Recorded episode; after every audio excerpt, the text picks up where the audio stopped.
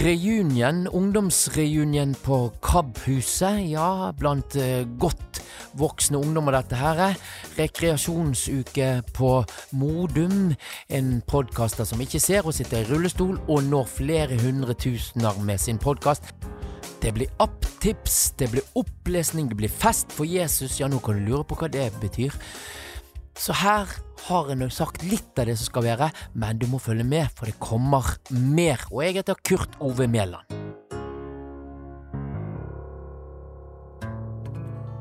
Mange lever kun for penger, som de faktisk ikke trenger. Jobber både natt og dag i et evig statusjag. Men hva blir det så av det søte liv, min venn? Å ligge på et svaberg og bare være til og kjenne solvarme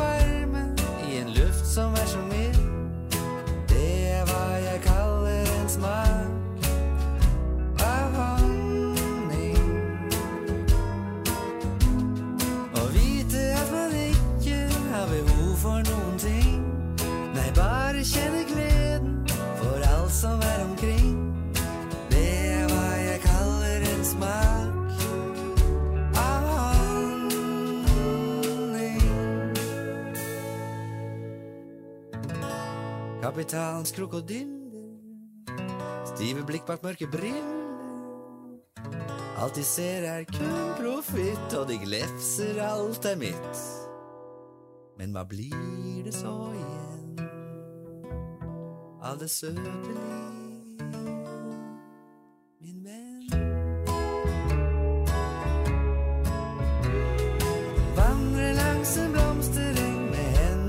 kjær.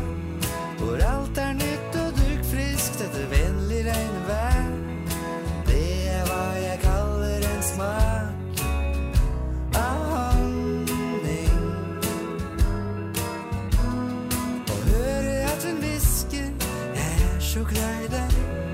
og kysse henne kjærlig der blant gress og timotei.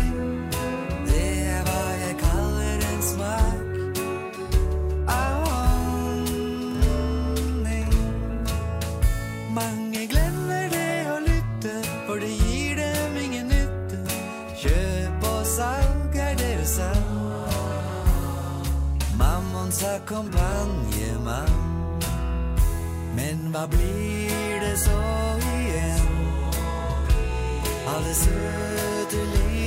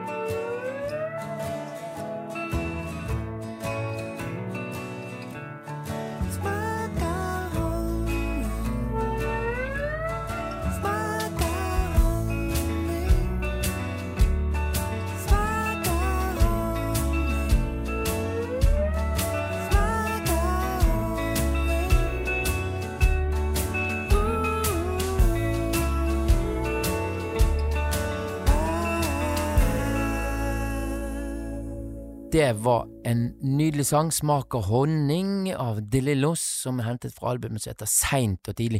Og jeg måtte bare spille denne sangen for å kjenne litt på våren, altså fordi at nå har det vært tungt her jeg bor i hvert fall. Det har snødd og snødd og snødd, og når det har kommet masse snø, så har det begynt å regne, regne, regne.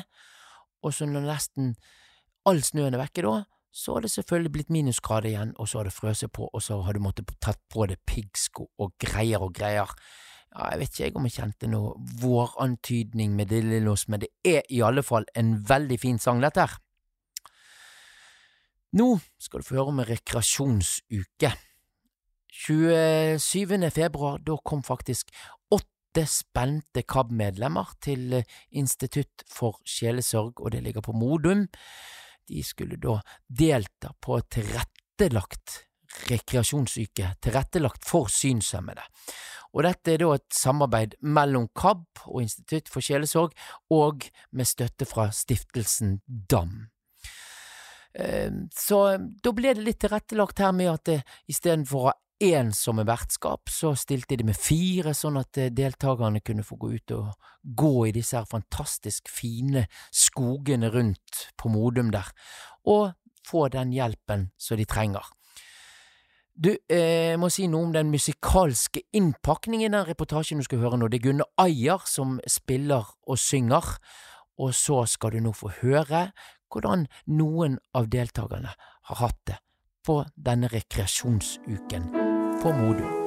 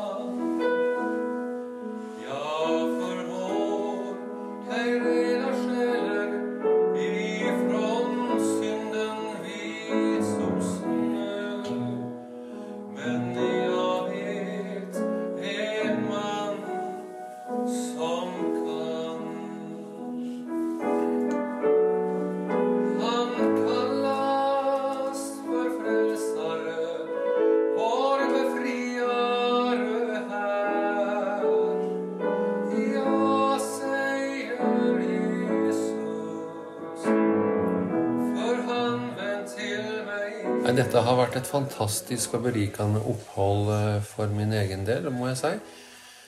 Det har eh, vært godt å få sette ord på ting, sjøl om jeg har satt ord på det her i mange andre sammenhenger, så er det noe med hele plassen her, med atmosfæren, folka Det har vært egentlig i hovedsak bare godt å kjenne at du, du lever og blir tatt hånd om og kan være ganske avslappa i et trygt og godt miljø. Nei, det er fint å komme hit. Det er jo en sånn ro her. Eh, både ute og inne. Og godt sted å være. Og jeg tenker sånn For en mulighet å kunne komme hit og få eh, samtaler. Og eh, den undervisningen vi hadde i dag, da tenkte jeg sånn at det her må vi høre mye mer om og snakke mye mer om. Om den livssorgen, om den forsoningen som kanskje må skje 100 ganger per dag, som vi aldri blir ferdig med. At vi lever med tap. Eh, mye er likt, og mye er ulikt. Men eh, det gjelder oss alle. som ingen hjälper och livet rinner ur din hand. Jag vet en man som kan Ja, nå skulle vi jo egentlig kanskje vært ute og gått tur. Og hatt litt sånn knirkelyder i snøen når vi snakker sammen. Men vi har trukket inn i en eh, hyggelig dagligstue, vi. På Institutt for sjelesorg. Så nå sitter jeg her sammen med Mette, Hei. Sissel Ja, hei. og Donna. Hei! Og så har vi lova, eller jeg har lova Kurt Ove en liten stemningsrapport fra denne rekreasjonsuka vi har på Modum. Så er det noen som har lyst til å si noe her om hvordan det er å være her? Ja, Donna, hva tenker du? Det er fantastisk som vanlig, men enda bedre nå når vi kunne komme hit uten å måtte finne en ledsager, for det må en ha her. Både for å hjelpe til med å finne mat, og, og sånn ledsager ute. Iallfall for min del er det det jeg trenger en ledsager til mest. da. Mm. Og det er så befriende å kunne komme hit og være sammen med eh, en, flere i KAB-familien. Og likevel få de vanlige tilbudene og litt i tillegg, da. Um, men Sissel, hva er det vi driver med her, da? Liksom? Her spiser vi mye god mat. Ja, vi spiser hele tida. Ja, hele tida. Fire måltider om dagen pluss Ja. noen mellommåltider. Og så har vi noen gode samtaler, og så er vi mye ute og går. Frisk luft, sol og helt kvitt det der. Så det er vanskelig å finne fram, for alt går i ett. Ja. Men med ledsager og eh, rullatoren min så går det bra. Mm. Har du vært her før? Ja. Hva er, synes du er, eh, hva er fordelen med å være her når det er KAB som er med og arrangerer, tenker du? Her er det et unikt fellesskap. En er ikke, ikke noen sånn outsider som en er ute blant andre og i, i hverdagen. Mm. Her er det ikke problem, her er det muligheter. Vi er jo med på egentlig det som, vil, det som er en vanlig rekreasjonsuke. Det vil si at man kommer på mandag og er til fredag. Så er det en døgnrytme med, som sagt, eh, mye mat. Så har vi tidebønn to ganger oppe i kapellet. Og da har vi tatt med oss litt eh, hefter i både storskrift og punkt. Så vi legger litt til rette der. Og så har dere tilbud om tre samtaler. Kan dere si litt om hva er det? Hva er sånn, det høres jo litt skummelt ut med sånn sjelesorgsamtale, men hva går det egentlig ut på? Det som jeg syns er så fint her, at um, Nå har jeg vært her det tiende gang jeg er her nå. Ja, er at um, Jeg har iallfall opplevd å bli tatt på alvor med det jeg har kommet med som er vanskelig. Um, og at det blir trudd, ikke minst. Mm. En velger sjøl hva en vil snakke om. Men for meg blir det jo veldig naturlig på en måte å snakke om, om troa og alt det som er blitt så komplisert der. Mm. Det, Men her er det rom for ja, å rom. ikke skjønne eller være sint eller Ja. Ja. Så man velger altså helt sjøl å bestemme seg for hva man Jeg har inntrykk av at mange får liksom tømt ut litt, da. Ja, Ja, man, man setter seg ned og trykker på en knapp, og så kommer det ut det man Ja. er opptatt av, Ja. og som kan være vanskelig. første timen jeg hadde, da, da kom alt sinnet mitt ut. Jeg er sint på, på hele samfunnet og eh, alle som på en måte Jeg har lite mista mye tiltro til hele systemet og, og mennesker og kirker og alt. Alt det sinnet fikk jeg ut. Og så skjønte jeg det i samtalen der. Det er en dyp sorg som ligger i bånn. Mm. Så i dag kom tårene. Ja. Og det var litt godt. Jeg, jeg følte meg mye lettere etterpå. Ja. Men er det sånn at de dere snakker med, liksom kommer med en eller annen løsning, da? Og så får dere liksom fiksa det? Nei. Nei. Det, en for, og det trenger jeg heller ikke. Jeg trenger bare å få tømme ut at noen kan, kan høre. Mm. Og tåle det du sier, Ja. uten å måtte pynte på det Ja. eller eh, dysse det ned eller mm. Men jeg har lyst til å si en ting som har betydd utrolig mye for meg. For jeg er jo veldig glad i å synge og kan jo veldig mye sånn utenat. Men jeg kan jo ikke lese lenger. Ikke kan i punktskrift eller noen ting.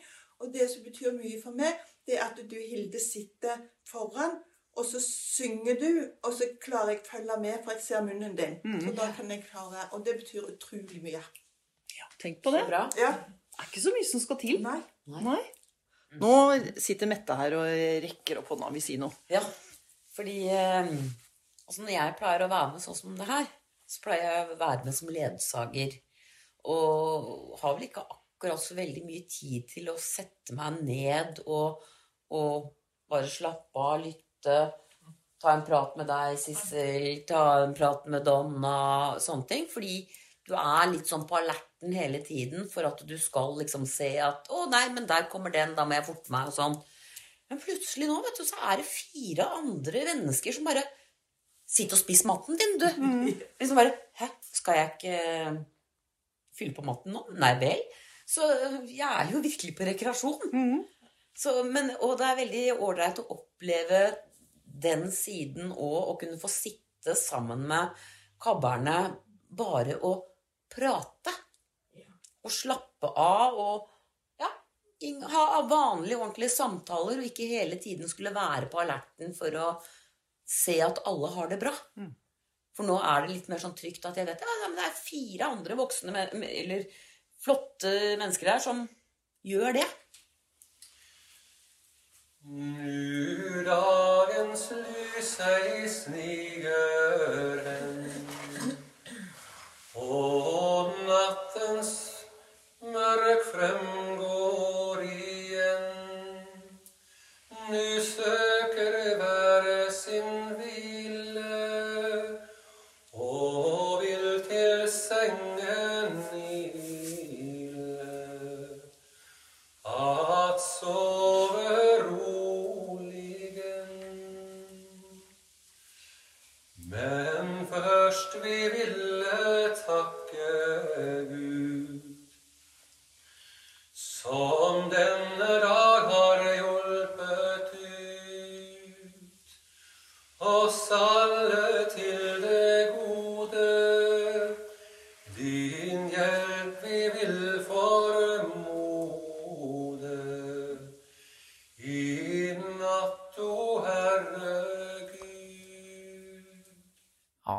synger fantastisk, det er nå sikkert og visst. Gunnar Aja der som avsluttet denne reportasjen.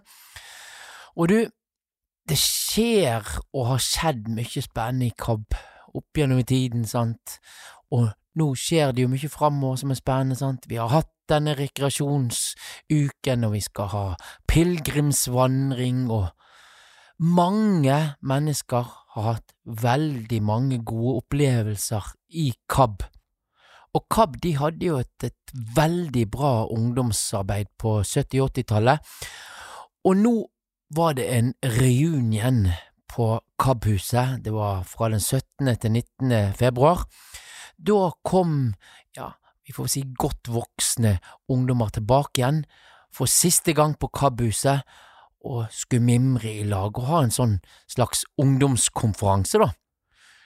Kari Unneland hun var med på denne reunionen, og hun har snakket med en del av deltakerne, så nå skal du få høre det.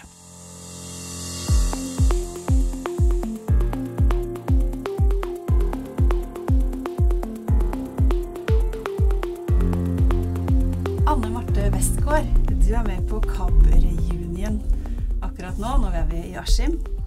Og jeg som sitter her, heter Kari Underland. Og nå spør jeg eh, hvilke minner og hva kan du fortelle om KAB i den tiden du var med i KAB sine ungdomsarrangementer? Jo, takk. Det er et uh, artig spørsmål å få. Jeg tenkte da jeg kjørte opp her i går, så tenkte jeg at det ble litt rart å komme hit da, etter så lang tid. Uh, Hvordan var det da å komme hit? det var uh, Det var veldig hyggelig, da.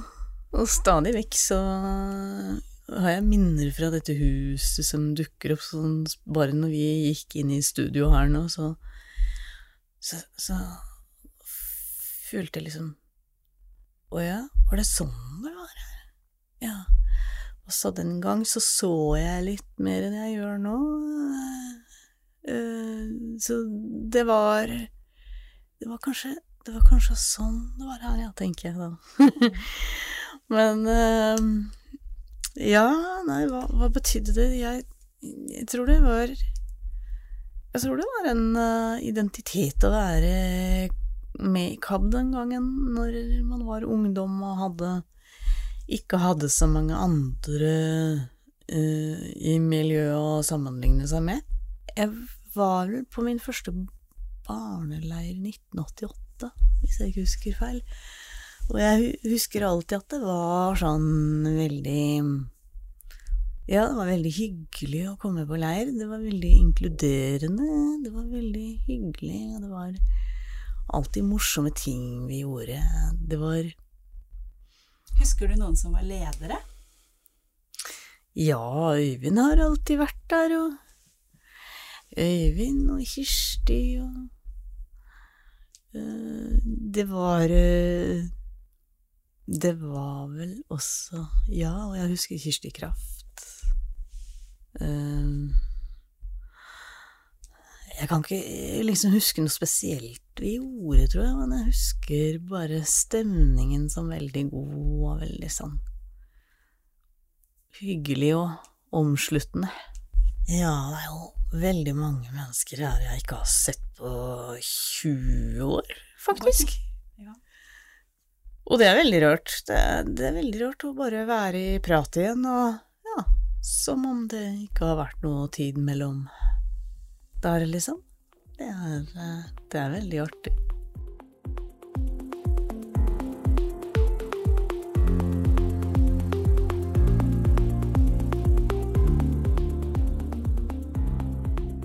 Bent Kyllesdal, du har vært med på en del KAB-arrangementer. Kan ikke du fortelle litt fra ungdomstida di og glanstiden i KAB? Jo, det kan jeg gjøre. Jeg, jeg kom inn ganske seint i KAB, ja, da, som litt mer, eh, hva skal man si, eldre ungdom. Eh, første ungdomskonferansen min var i 1996, så ellers har jeg ikke vært på mange av de. Men eh, vi var eh, liksom fra 2000, og vi var på påskeleir på hadde Da var jeg i hvert fall på tre påskeleirer på Bjorli. Da gikk vi jo på ski, og jeg fikk prøve snowboard første gang, husker jeg. Da fikk vi en hel dag med instruktør. Det var vel i 2001 eller 2002. Og så, har det jo da vært på KAB-huset her, da. Eh, både mange påskeleirer og eh, eh, Go for it, som var sånn helg med gokart og sånn. Så det, hadde vi, det, var, det er liksom det har vært mest med KAB. Og så har vi vært på noen sydenturer og eh, en tur til London i 2012. Mm. Har de KAB-arrangementene vært viktige for deg? Mm. Hva tenker du om det? Ja, det har det, for det, det er den eh, plassen hvor du kan møtes på en annen måte enn i Blindeforbundet. Det sosiale, og man treffer folk som man ikke har truffet på lenge, og det, det er en sånn eh, Hva skal man si? En god varme, og du kan eh, slippe ned skuldrene og være deg sjøl, føler man alltid i, i KAB. Mm.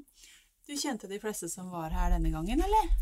Ja, jeg tror faktisk jeg kjente alle. Det var litt rart, for det var liksom folk man ikke hadde snakka med på 20-30 år, noen og sånn, så det var jo veldig koselig å se igjen mange. Og noen er, hadde jeg sett liksom i fjor, bare på forrige arrangement, når vi var i Domkirken i Oslo. Og da var det lenge siden sist på mange av dem da òg, så det så det var, eh, det var veldig fint å, ha, å kunne mimre en sånn helg. I denne reunionen så har vi snakka litt som en eh, Vi har vært en liksom en ungdomskonferanse. Mhm. Og vi har hatt eh, ja, framlegg fra dere, gode ideer og innspill og sånn. Hva tenker du kan være en god vei for KAB å gå videre for den aldersgruppa voksne? Ja, der har jeg savna litt de siste åra, etter at påskeleir forsvant og Go for it forsvant, som var på en måte det, Da var jo gruppa der blitt mer enn midt i livet-gruppe, nesten.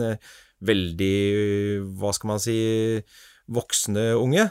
Eh, så det du da møter andre, så å si 75 minus, da, eh, på et sånt sosialt arrangement, det er veldig viktig. Det er, det er en av de tinga som er kanskje aller viktigst for meg, at det, at det fortsatt kommer noen sånne tilbud hvor du kan samle folk fra eh, større deler av landet. Sånn som det har vært så koselig å være på KAB-huset igjen. Jeg syns jo personlig at det er veldig trist at huset skal selges, da, for jeg har jo så mange gode minner her med alle påskeleirer fra 2004. Og vi har sovet enkelt her i sovepose på madrasser, og helt fint å sove i studio, stille og godt. Helt greit. Så enkelt, og vi har blitt godt tatt vare på. Jeg husker når vi hadde når Bjørn var her, Bjørn Hansen, og, og, vi fikk jo så mye god mat og desserter og snop, og det var Så om vi ikke bodde på hotell og bodde enkelt, så var det langt kompensert med godt, hyggelig miljø og, innhold, og når vi var på hyttebesøk oppe i Askim her og hadde disse påskemåltidene og Så den, den derre palmehelga på KAB, det var alltid veldig koselig start på, på påsken. Så det, sånne ting, det det, det, er det aller viktigste for meg, å kunne møte andre med synshemming i en sånn sammenheng som KAB.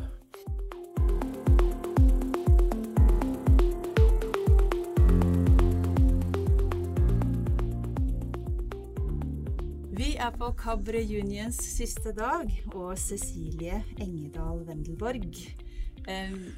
Du har vært sentral i KAB for mange år siden. Kan du fortelle litt om om uh, hva KAB betydde for deg i ungdomstiden. Ja, eh, jeg kom inn i KAB i 93 på generalforsamlinga i Kristiansand på Dvergsnesstangen. Eh, og da traff jeg masse kjekke ungdommer som jeg hadde det veldig gøy sammen med, og som det var veldig lett å være sammen med, og som jeg ble godt kjent med. Eh, og så eh, har eh, vi skapt et veldig godt miljø oss imellom som har vært en sånn blanding av KAB og privat, som har gjort at vi har fulgt hverandre gjennom hele veien, egentlig. Noen fra 80-tallet, og noen, eh, noen kom med litt på 90-tallet, sånn som meg. Eh, og så har vi blitt en veldig godt sammensveisa gjeng, så det har vært en stor del eh, sosialt, rett og slett, for meg. En, en viktig møtepunkt sosialt, og da at det var mange andre synshemma som gjorde at det var lett, lett å være sammen og lett å øh, Vi hadde både et felles på en måte prosjekt å jobbe med, som var jo KAB, da, og, og at vi hadde det veldig gøy sosialt sammen, rett og slett. Så du, du fikk venner for livet? Ja, absolutt. Mm. Helt garantert. Gjorde det. Hvilke minner har du fra den gangen, da? Oi, jeg har masse rare minner. Eh, masse gøye. Jeg har en god del minner her fra KAB-huset, faktisk. Eh, mye, det er mye sånn eh, For eksempel, eh, jeg kan huske, nå sitter vi i lydstudio, jeg kan huske at jeg har sovet i lydstudio. Eh, jeg har jo lagd jo litt reportasjer en gang på 90-tallet, litt for forskjellige ting. Så jeg har flydd rundt med kassettspilleren for KAB. Eh, og eh, lekt journalist litt. og så har jeg jo vært med på mye forskjellig. Jeg har vært med i ungdomsarbeidet da, på 90-tallet. Satt i ungdomsrådet, var med på det som var av ungdomsarrangementer da. Eh, var litt leder på barneleir. Sitte i landsstyret en periode, eh, eller to. Og vært med på veldig mye gøy, altså. Eh, jeg er jo litt sånn i en sånn rar situasjon i KAB, fordi jeg er en av de svaksynte, men så ser jeg veldig godt til å være svaksynt. Så jeg går liksom inn i en sånn mellomrolle eh, av og til. Eh, så jeg har ikke så mange behov for min egen del, annet enn det på en måte jeg får dekt av det sosiale, fordi jeg har fått så veldig mange gode venner her. Eh, men jeg syns det å At KAB er med i de, eh, de arrangementene som en sjøl har lyst til å være med på Altså, vi snakka litt i går eh, var det ikke det? eh, om for eksempel at en reiser en gruppe på korsvei, eller uh, andre sånne stevner og arrangementer, sånn som vi gjorde før, er en del av et større fellesskap. Det har vi gjort en del av opp igjennom, vært på Oase, vi var på ITC blant annet. Og sånne ting, at en er en gruppe som reiser sammen med visse liksom tilretteleggingsbehov dekt men ellers følger det programmet som allerede er. Det, det tror jeg nok er noe jeg eh, vil sette pris på. Det høres veldig spennende ut med pilegrimsvandring. Det har jeg veldig lyst til. Så sånne type ting som andre kristne også gjør, men som kanskje er litt vanskelig for oss som ser dårlig, å få vært med på eller organisert sjøl. Mm. Ja, jeg syns det var en del spennende eh, ting de kom fram til, disse deltakerne på den reunion på KAB-huset. Eh, eldre ungdom, som sagt. Og reporter, eh, det var evig unge eh, Kari Underland.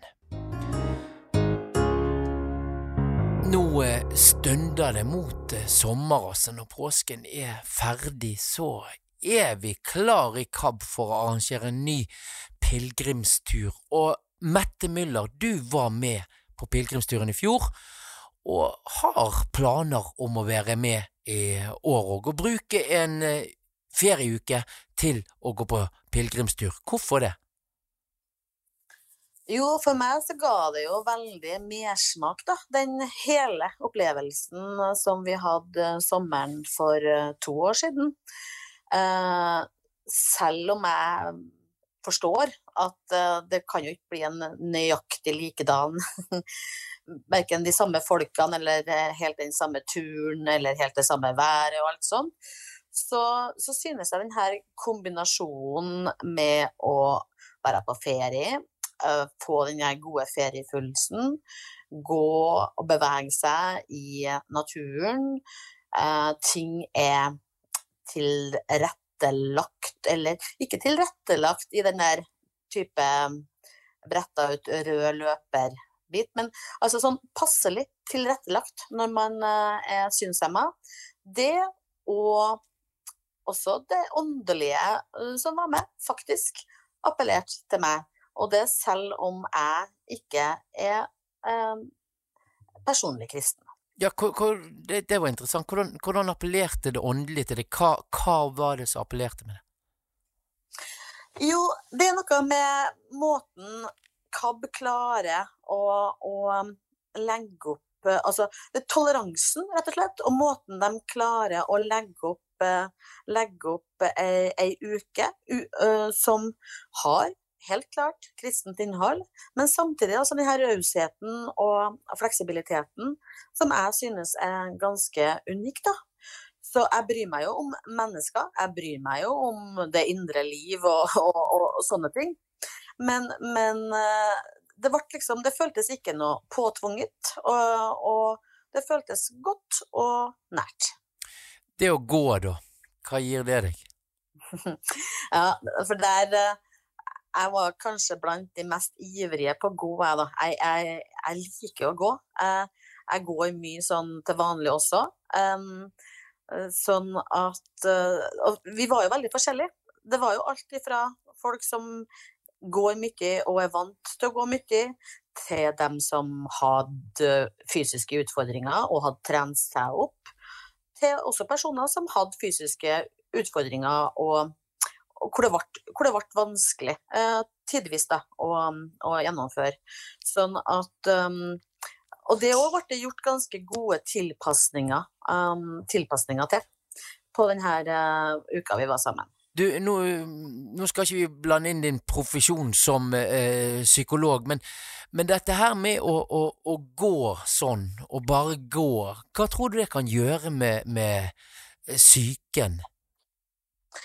Det er kjempegod forskning som viser det, at både, altså, de her to tingene som har størst betydning for, for, for psykisk helse ut ifra et sånn frisklivsperspektiv, det er sosial kontakt og fysisk aktivitet. Og når man da faktisk klarer å kombinere det, så må det jo bli maks, da. Det må jo bli maks uttelling, rett og slett. Sånn at um, um, Ja. Og når du da til og med spraye det med Trøndelag-vær på sitt beste, og fine både konsertopplevelser og andre kulturarrangementer. God Altså ikke bare god, men nesten av og til, altså. Fantastisk mat. Og sånn. Så tror jeg at eh, eh, både psyken og livskvaliteten og den generelle velværen eh, gjør et eh, byks, altså. Eller kan gjøre et byks. Og det var den opplevelsen jeg fikk av egentlig alle sammen som var med, at uh, det her var, gjorde godt for kropp og sjel. Hva var det aller vakreste som du virkelig kjente? Å, nå dette var fantastisk? Bare én ting. Ja, én ting. Hadde du sagt to, så hadde det vært lettere. Jeg kan si to, da. Jeg Kan du si, si to? Ja. Da var det ene det var, Vi hadde en sånn stille vandring langs um, eh, Verdalselva. Hvor eh, vi ikke skulle snakke med ledsager heller. Jeg gikk med hund, da. Eh, og hvor du had, fikk en sånn assosiasjon at du egentlig var i en tropisk eh, regnskog. Hvor vi gikk og var helt stille. Den gjorde veldig inntrykk. Mm. Og så var det når vi var på, på Loktunkirka på Frosta. Og det var noe som ikke vi var forberedt på, men da ble det rigga en sånn eh, minikonsert til oss, som var en overraskelse. Uh, og det var en fantastisk sangopplevelse med, med uh, to artister som var derfra. Folk som sitter og teller på knappene, da liksom er litt sånn usikre på om dette her kan være noe for, for seg å delta på. Hva sier du til de? Eh, hvis de teller på knappene og og Jeg vil være helt ærlig ha prøvd å tenke gjennom hva er det som tar det imot, og så finne ut på en måte eh, hva Altså om det er om det er ordentlige grunner, at man tenker at man er i for dårlig form, eller at man Altså, ja.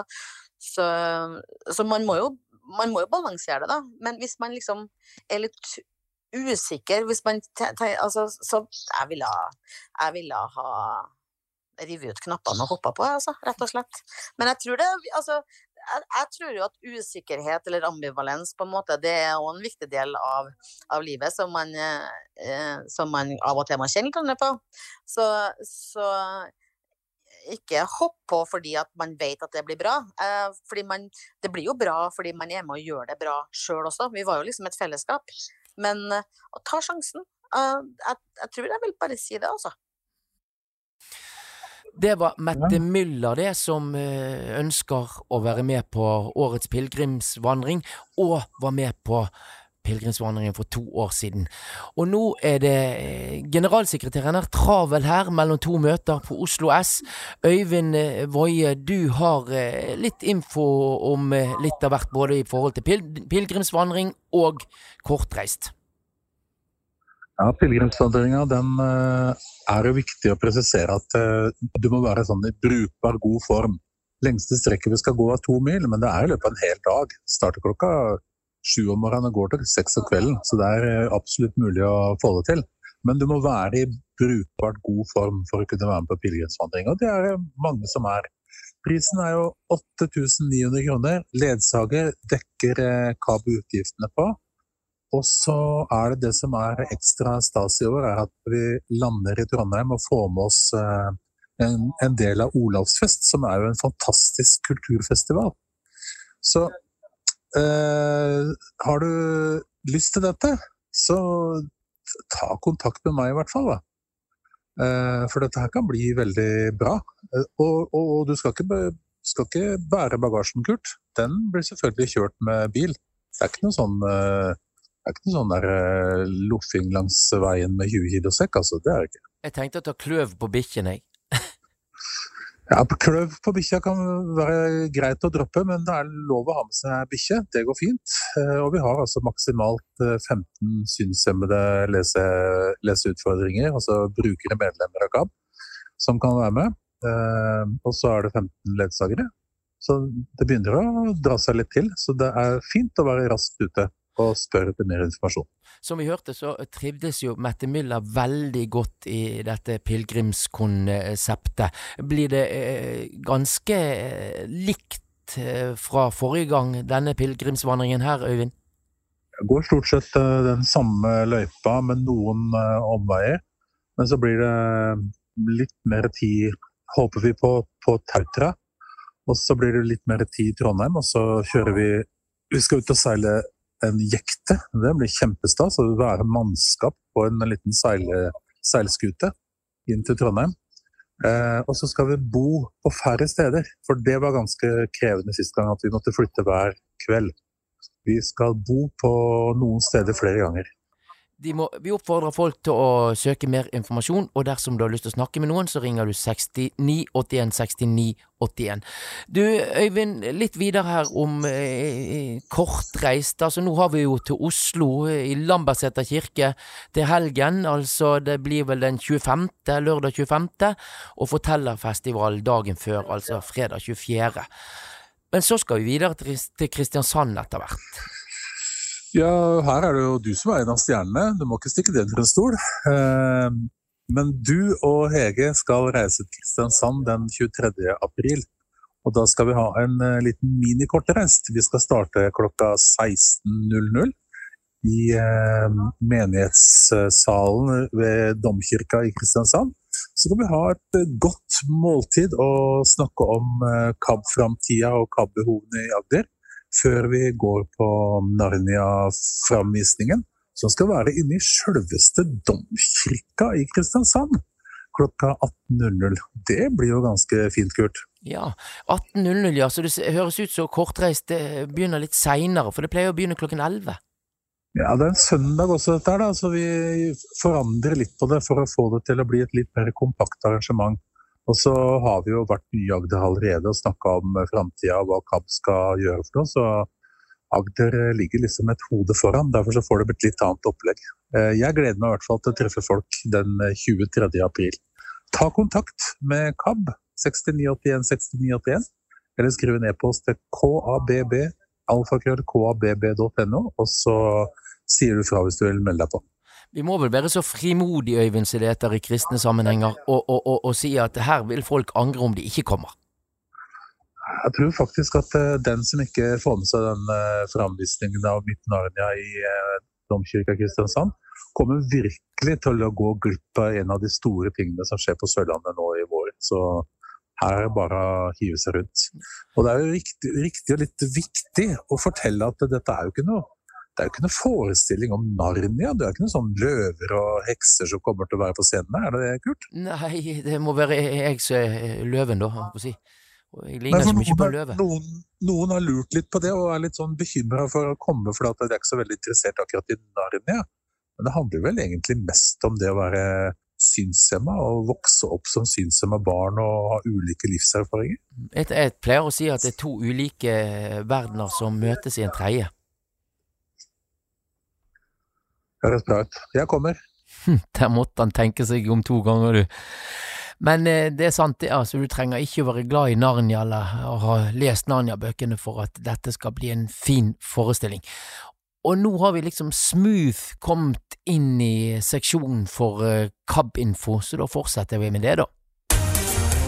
Inger Anne Ilebekk hun er gjenvalgt som styreleder i Agder, som nå er blitt én forening for hele Agder fylke.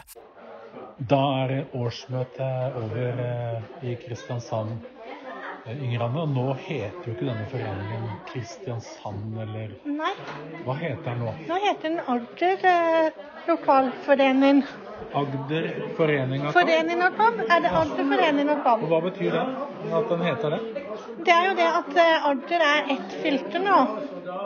Og da Før så var det øst og vest, og så er det blitt slått sammen til ett fylke. Og da syns vi at vi også må være med på det. At vi kanskje lettere også kan få økonomisk støtte fra kommune og sånt også. Hvordan ble forslaget mottatt her på årsmøtet, syns du? Jeg syns det var veldig positivt. Jeg. Alle var jo for det, egentlig. Det var innenfor motforslag. Eh, hvordan er det framover, da? Skal det være med noen folk i gamle Agder inn i det nye styret, eller? eh? Ja, det blir med Eif, hun Toga Thorsen, som har vært motus henne i eh, øst. Hun kommer til å bli med nå i styret. Kommer du til å legge ned de møtene som er i Arendal og har vært hittil, eller? Nei, vi vil at hvis de vil fortsette med de, så tenkte vi at vi kanskje kan få de inn i vårt lokale miljø. At det kan være en del av Agder også. Tenkte jeg. Hva tenker du ellers om eh, årsmøte og videre utvikling i denne foreningen nå? Jo, jeg syns jo det var veldig moro at eh, det var så mange som kom i dag. Eh, Men jeg ser jo det at vi må liksom jobbe litt med det å få medlemmer til å komme. Eh, Jeg syns jo det er veldig moro at vi har hatt disse konsertene. Jeg tenkte jo også veldig dette om vi kan Jeg har jo begynt litt å ha litt kontakt med andre menigheter også. Dette med å spre papp er jo noe som jeg brenner veldig for. Jeg tror det er så mange som sitter rundt i kirkene og menigheter som kunne hatt så utrolig mye glede av KAB sitt tilbud. Og jeg håper at vi kanskje kan nå så høyt opp at vi kanskje kan få en kontakt med biskop også. Og kanskje formidle dette til menigheten også, hvordan de kan tilrettelegge for funksjonshemmede. Og også informere om KAB sine tilbud. For jeg syns det er så flotte tilbud som dere lager for oss. Og føler også og håper at det også kan være mer lokalt arbeid også. Ja, du var jo med på helkonferansen, du og Odd Martin Baanerud her fra Agder. Eh, Ja. Hvordan opplevde du det? Jeg syns det var en veldig flott konferanse, men jeg, sli, altså jeg syns jo det kanskje er litt vanskelig, for den går jo mer kanskje på det psykiske utviklingshemmede, og vi er jo forskjellige grupper. Men jeg syns det var veldig flott å være med på de gudstjenestene som vi hadde der, og disse her som nesten ikke kan snakke, leste jo dikt og var med i prosesjonen og gjorde ting i gudstjenesten. Det rørte meg utrolig mye. Og jeg tenker at kanskje vi kan gjøre noe for dem, men at det er litt annerledes når man har en sansetap. At en må på en måte legge til rette for forskjellige, for forskjellige grupper også. Men jeg vet jo at det er en del av de også som har eh, syns- og hørselsproblemer også, så det er klart at KAB kan gi tilbud til de også, tenkte jeg. Jeg fikk jo en kontakt på den helkonferansen med eh, en menighet her litt utenfor byen. Og der har jeg jo vært på et besøk, og de er så positive. Og så moro. Og de domkirkene har jo vært så positive når vi har arbeidet med disse konsertene. Og jeg tror jo vi er litt heldige her i Agder, kanskje, som har også en biskop som er veldig positiv til dette med funksjonshemmede. Og som, vi kanskje, som, kunne, som er en drøm at vi kanskje kunne fått en besøk med han, og kunne få han til også kanskje å dele Jeg tenkte jo veldig også på dette kurset som Hilde har spredd, for jeg tror nok at det er en del som bør lære litt om hvordan man tar kontakt med når det kommer synshemmede til kirka, og hvordan en kan tilrettelegge og, og hjelpe til i, sånn at gudstjenesten også blir et vellykket møte på en måte. At man føler at man blir inkludert i menighetsarbeidet også. De andre styremedlemmene da i, i, i Agder, det er Grete Skoaland Kaspersen, Marianne Skill Reisnes og Katrine Alsten og Torbjørg Thorsen. Varamedlem der er Hanne Faith Stiansen og Jørgen Søvikdal. Det har òg vært eh, årsmøte i Oslo Omegnsforening av eh, KAB, og det nye styret det består av eh, leder Jon Ivar Dypedal, Torleif Kars, Ranveig Bredesen og Mette Lilleng. Og varamedlem der er da Åge Andersen. Da må vi ha litt reklame. Kortreisturneen den ruller videre, og første stopp nå det er Lambertseters kirke i Oslo. og Dette er den 25. mars det skjer, og det starter klokken 11 og slutter klokken 17. Kortreist skal òg til Kristiansand domkirke, og det er da søndag 22. april 11 til 17 der òg. Og Kortreist det er da en sånn heldagssamling med spennende program på lørdager. Eh, Rosin i pølsen står det her, er den splitter nye forestillingen Mitt Narnia med Kurt Ove Mæland og Hege Eidsæter, og utarbeidet denne forestillingen er utarbeidet med Helga Samset og vår alles Frank Tangen. Ja, og her kan vi jo friste det med òg at du får møte både KAB-ansatte og lokale KAB-folk. Dagen den vil handle om KAB sitt likestilling og diskrimineringsarbeid. Du får òg lære mer om eh, KAB sine planer og prosjekter framover. Vi setter av god tid til samtale både rundt kaffekoppen du og lunsjbordet, og vi vil gjerne høre litt hvordan du har det der du bor i din menighet òg, så dette blir spennende. Det er viktig at du melder deg på dersom du vil delta på Kortreist. Vil du bare være med og se forestillingen, så trenger du ikke melde deg på. Du melder deg på på 69 81 69 81, eller du bruker e-post kabalfakrøllkab.no, og da må du skrive hvor mange dere blir, om det er noen allergier og den slags. Som sagt da, så er både forestilling og kortreist gratis, men i Kristiansand, der er det sånn at eh, dersom du ikke er medlem og har lese- og skrivevansker eller er synshemmet, da må du betale hvis du ønsker å se mitt Narnia. Dette skyldes at eh, denne forestillingen er da en del av konsertserien som Agderforeningen av KAB har arrangert nå i det siste. Sanselig og synstolket etter den.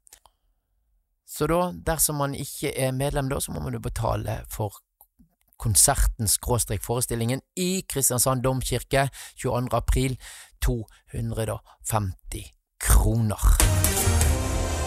Ønsker du tilsendt et informasjonsbrev om hva som skjer i KAB? Da må vi ha enten e-postadressen din eller mobilnummeret ditt, fordi at du kan få denne her informasjonen enten på e-post eller som SMS. Så da er spørsmålet hva passer best for deg? Nå er det en viktig melding her, du. Nå sendes snart medlemskontingenten ut, og nå er det sånn at det, du trenger ikke å se dårlig eller ha problemer med lesing og skriving for å bli medlem i KAB. Nei, heier du på KAB sin sak nå, så er det bare å melde seg inn. Flere medlemmer det styrker jo KAB som organisasjon, og så får vi økt statsstøtte for hvert medlem. Og så er det jo ikke så dyrt dette, det koster 125 kroner for ett medlem, og 80 kroner da for andre medlemmer i samme husstand. Så her er det bare å være obs når kontingenten kommer, og betale så raskt som mulig. Gospel, du, det har vel en del av oss eh, litt erfaring i forhold til kor vi synger i nå, eventuelt TenSing-kor i fortiden. Og helgen den 10. til 12. mars, da var det gospelfestival med konsert i Oslo konserthus lørdagskvelden, og blant 400 mennesker her så deltok både i øvelser og seminar og korfellesskap, så var det òg eh, KAB-medlemmer med ledsager. Wenche Odden, hun er fra Notodden, og hun var en av eh, KAB-medlemmene som deltok, og hun, hun oppfordrer flere KAB-ere til å bli med neste gang det byr seg en anledning for en sånn gospelfestival.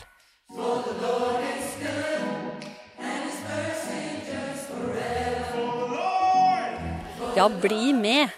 For eh, det gir veldig mye inspirasjon ellers i hverdagen, da. Når en får være med på, på sånne up-ting som dette her er, da.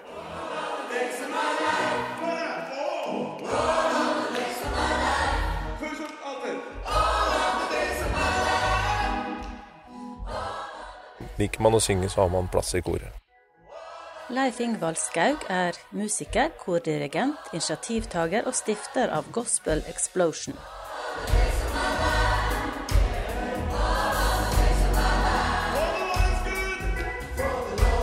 Gospel Explosion er et korprosjekt for alle som liker å synge gospel. Eh, det er ikke noe opptaksprøver, det er bare å komme som du er og synge.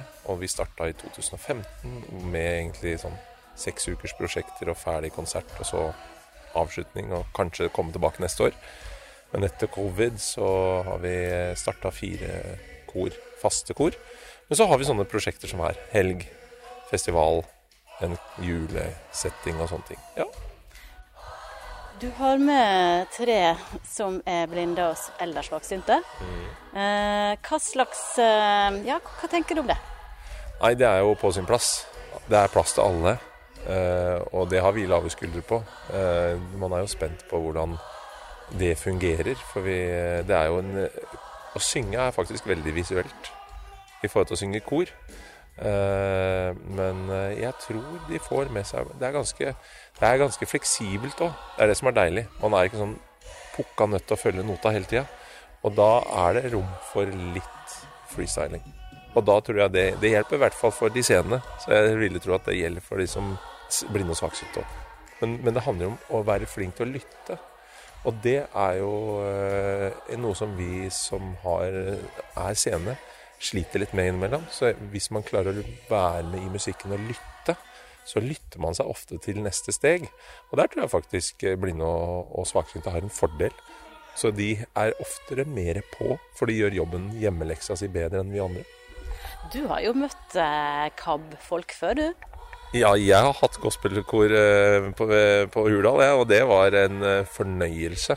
Så jeg tenker at eh, her er det egentlig ingen sperrer. Eh, Men det handler om å eh, si, komme seg ut av den sona og ta sjansen. Det er jo det som er utfordringen for alle mennesker. Og, så har vi våre eh, si, utfordringer alle sammen. Men eh, det å komme seg ut i et ukjent eh, sted det med masse ukjente folk, og hva er dette her for noe? Men jeg tenker at her er det bare å gønne på. Så skal vi legge til rette.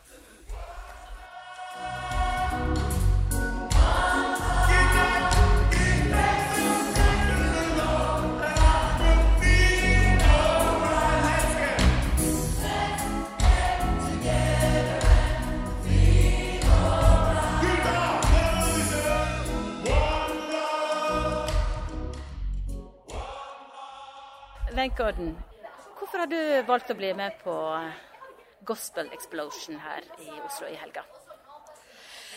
Det er jo av at eh, under koronasituasjonen som var, så kom jo det tilbudet opp på Zoom.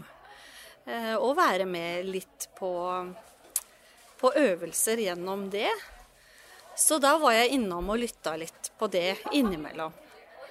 Så, eh, så blei det jo sånn at eh, jeg så jo, følger jo dette her på, på Facebook.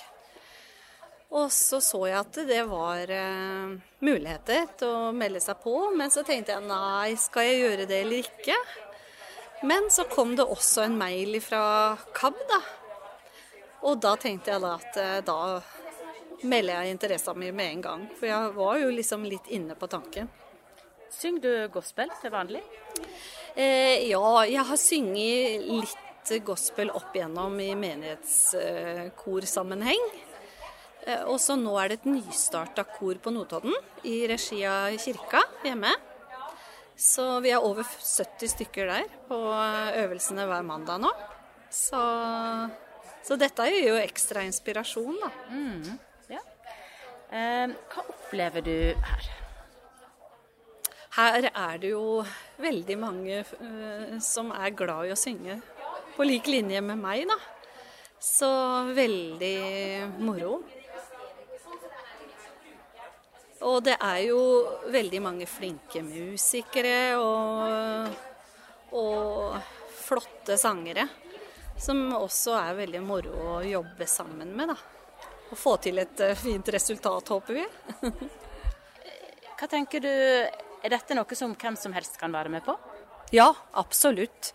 Det her er jo eh, noe for enhver som er glad i å synge. Og det er jo muligheter til å få tekster og lydfiler og sånn på forhånd. Så det er muligheter til å sette seg inn i noe av stoffet fra før. Og så er det eh, litt eh, øvelse her som gjør oss enda tryggere da, på det vi gjør.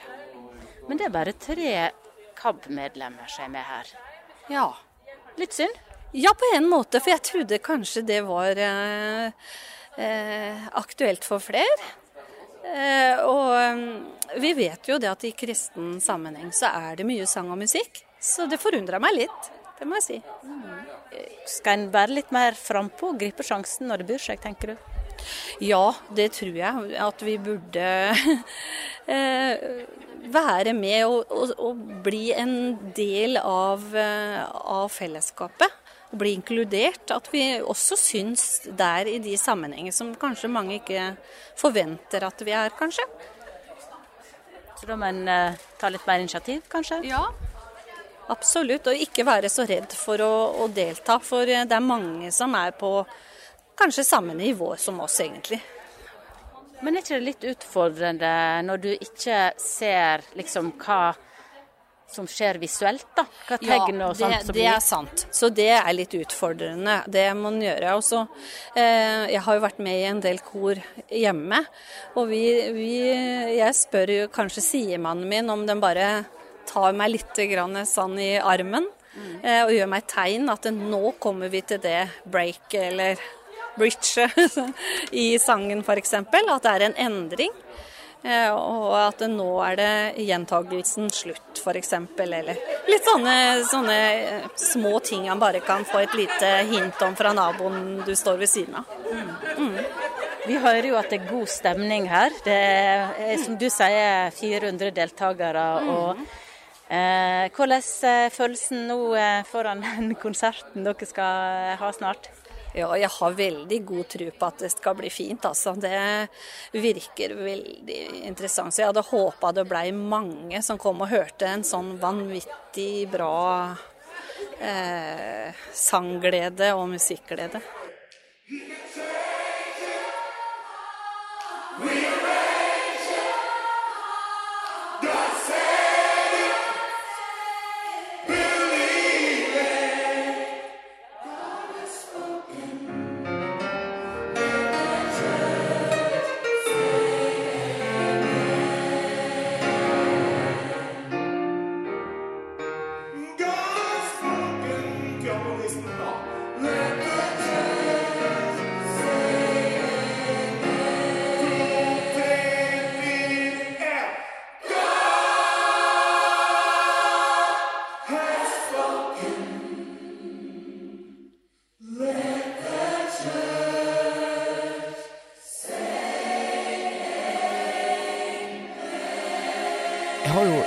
for at vi skal dele litt sånn kunnskaper om viktige apper som kan bety noe for andre òg. Så det at det, denne dagen så har jeg ringt til Odd Martin Bånerud, og Odd Martin, du har en app som du har lyst til at flere skal få gleden av. Det har jeg. Eh, Det er en app som heter eh, Taxifix. eh, Som da eh, brukes for da å bestille taxi i områder eh, hvor den eh, støttes. Det er ikke overalt. Eh, Dessverre. Den fungerer i områder hvor taxiselskapet bruker takstametersystemet til Oslo Taxi. Da brukes det antageligvis mange steder i Norge, men hvorfor vil du dele denne appen her med andre? Eh, Det er flere grunner. Eh, For det første fordi den er eh, ve- veldig blindevennlig. Eh, Fungerer veldig fint med voiceover på iPhone i hvert fall. Vet ikke hvordan den fungerer på Android, hvis det er noen som bruker det, og og eventuelt Talkback. Grunnen til at jeg foretrekker å bestille på app, er at da har jeg mye mer kontroll over, bes over bestillingen. Jeg kan eh, eh, få vite nøyaktig hvilke adresser jeg har bestilt fra og til, og jeg kan få opplyst en makspris, og jeg kan velge ulike måter eh, å betale på. Og det som også er så kjekt med den, er at jeg kan helle egget til en såkalt avgangskommentar. Sånn at hvis jeg f.eks. er på et eh, nytt sted, så kan jeg skrive til sjåføren at jeg eh, er blind, f.eks. da. Ja, kan du, kan du ringe til sjåføren òg, sånn at du er trygg på at han skal finne deg og sånt? Ja, det kan jeg. Når jeg har fått tildelt eh, en bil, og den er på tur, så vil jeg kunne se hvor lenge det er til den kommer, sånn cirka. Og da kan jeg også jo da ringe sjåføren, hvis jeg ønsker det.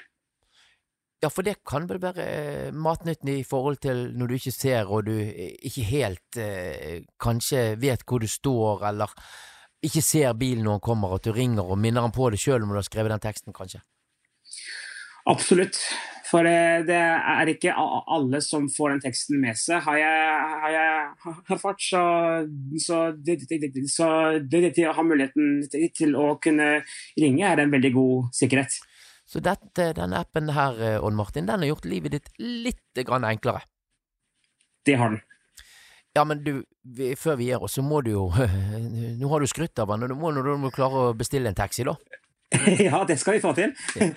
Ja, det, så, og jeg skal jo ut en tur litt senere i dag, så det passer veldig bra. Så da skal jeg bare få åpna, åpna appen her. Et lite øyeblikk. Skal vi se. Vis meny. Nåværende posisjon. Knapp. Eh, nåværende posisjon er en, er en knapp man har trykket på hvis du ser og vet at eh, adressen ikke er helt riktig. For da vil den prøve å hente den på nytt eh, via telefons GPS. Avhentingsadresse. Eineråsen 25. Ja, det stemmer. Taxi senere. Knapp. Og da er det taxi senere som jeg skal ha. Da går jeg på den nå. Leveringsadresse.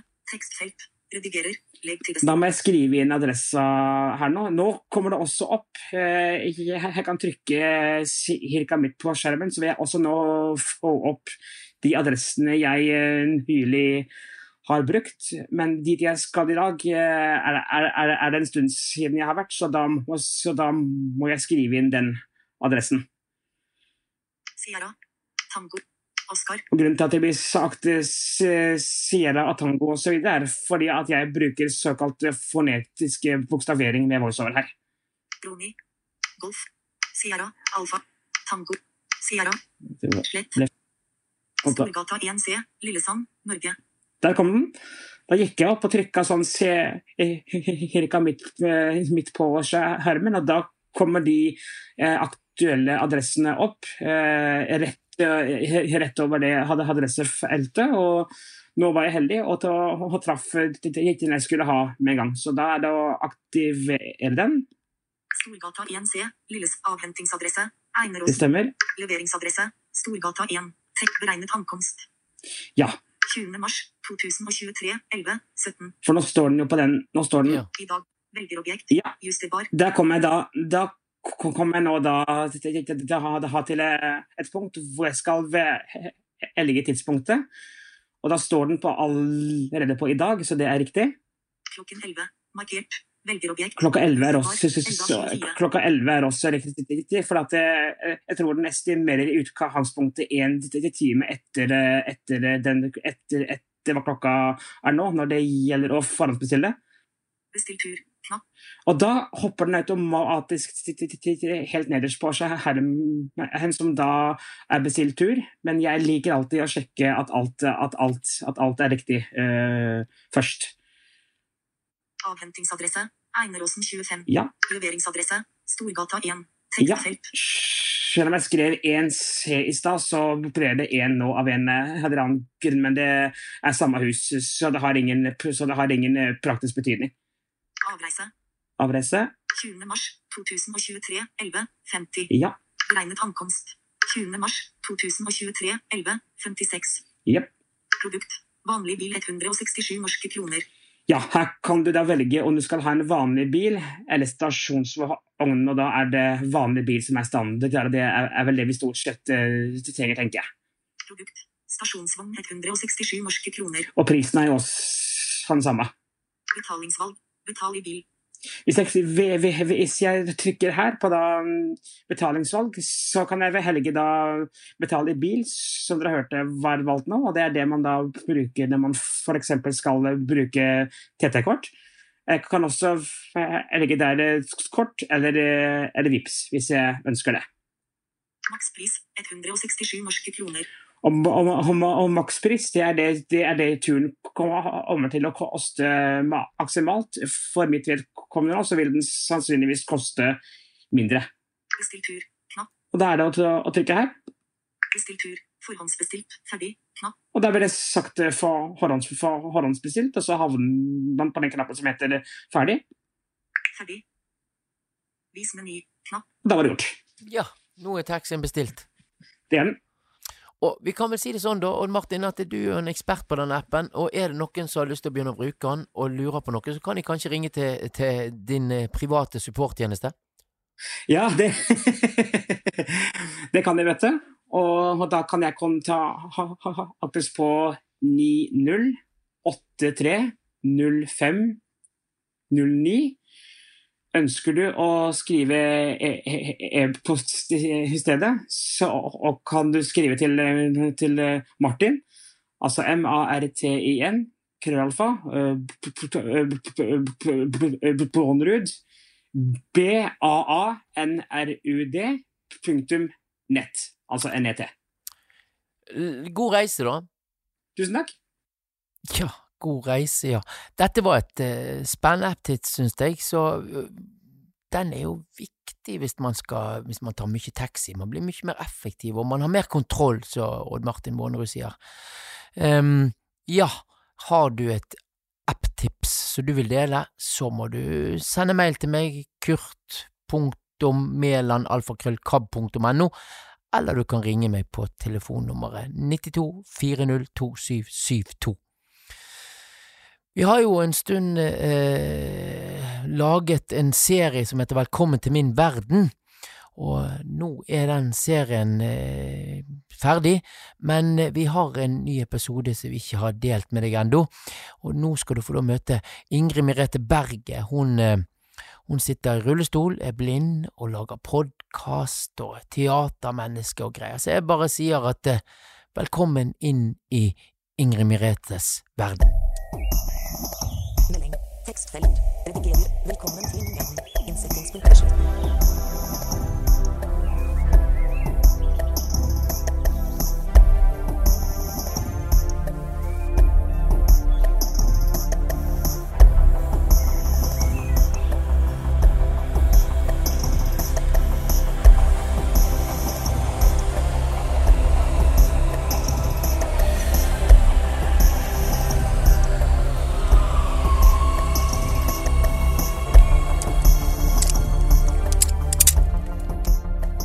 Hjertelig, velkommen til en ny del i serien Velkommen til min verden.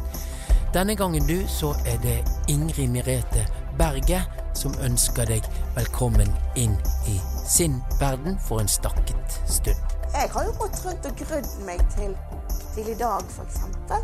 For jeg skulle jo møte deg. Ja ja, jeg fikk nå komme inn etter hvert, jeg òg. Eh, nå, Kurt, nå er det på tide å lage podkast her. Så da eh, blir du invitert med inn på soverommet mitt. Og fra dette nå så omtalte soverommet, så har da Ingrid Merete faktisk klart å bli en viktig stemme for om lag 300 000 lyttere for sine to Sov godt-podkaster, én for voksne og én for barn. Dette, Kurt, dette er min teaterscene. Da fyrer vi i gang, da, eh, med Sov godt-podkast midt på dagen. Yes!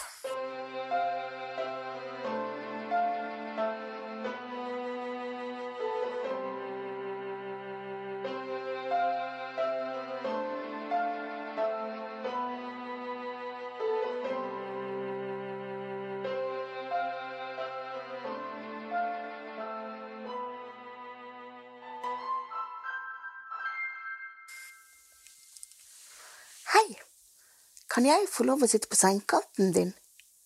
Tusen takk. Har du hatt en bra dag i dag? Det var bra. Men så hørte jeg at det var noen som sa nei. Og det er jo dumt. Men da håper jeg at avslutningen som vi nå skal ha, kan bli så fin at du får sove likevel. Er du klar for å slappe av og sove nå? Ok.